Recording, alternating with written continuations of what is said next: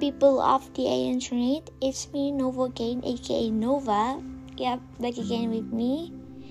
Anyways, 2022 has been a crazy as a roller coaster for me, but I'm grateful that I can finally say that I'm finishing the year off with a version of me that I've always dreamed of being. Yeah, and all of these are because of this one boy and the boy with the prettiest eyes and the most beautiful smiles, as cheesy as it sounds. Now all the love songs are start to make sense. This is actually the first time in forever that I actually enjoy doing nothing with someone. Just spending hours and hours, just looking at his pretty slanted eyes, watching anime together, me and him, playing mobile games and some music in the background holding hands, or leaning on his shoulders.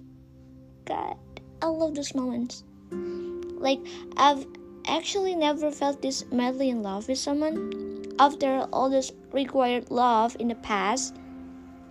And now I finally met someone who loved me in the right way and the way I've always wanted to be loved. And it's crazy.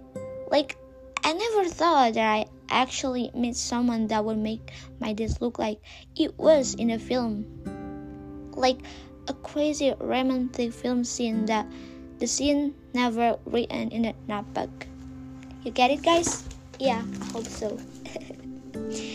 For a while back, I didn't really believe in love anymore and I didn't expect to be with anyone.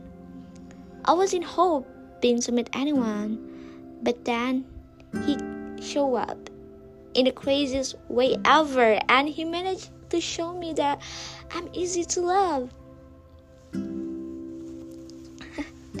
Sometimes, like, I still had questions for him.